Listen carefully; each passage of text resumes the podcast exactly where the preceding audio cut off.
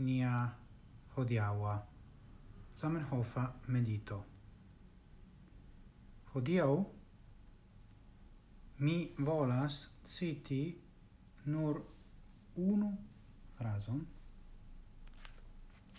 de Zamenhof el la tractajo Esperanto kaj Volapük 1889 1890 kiu estas eh, je pagio ducent septec du, jen la frazo. Unu stono. ne bone metita en la fundamento, sequigas iam post si ciam pli grandigiantan malrectezon de la tuta construo. Do la contexto estas kial Esperanto estas pli tauga lingvo internacia ol volapuko sed mm, tio ne gravas nun efektive. Volapuko estas uh, hobio de malmultaj homoj kaj ne plu estas rivalo de Esperanto. La punkto ĉi tie por mediti estas alia. Kiam vi ĵetas la bazoin de iu konstruaĵo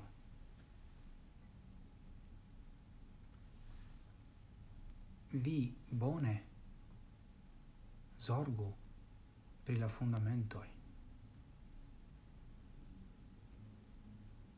Char, se je la grundo la fundamentoi nestas suffice stabilei, la tuta construo igios pli cae pli malrecta. Do la mi tio estas grava fero char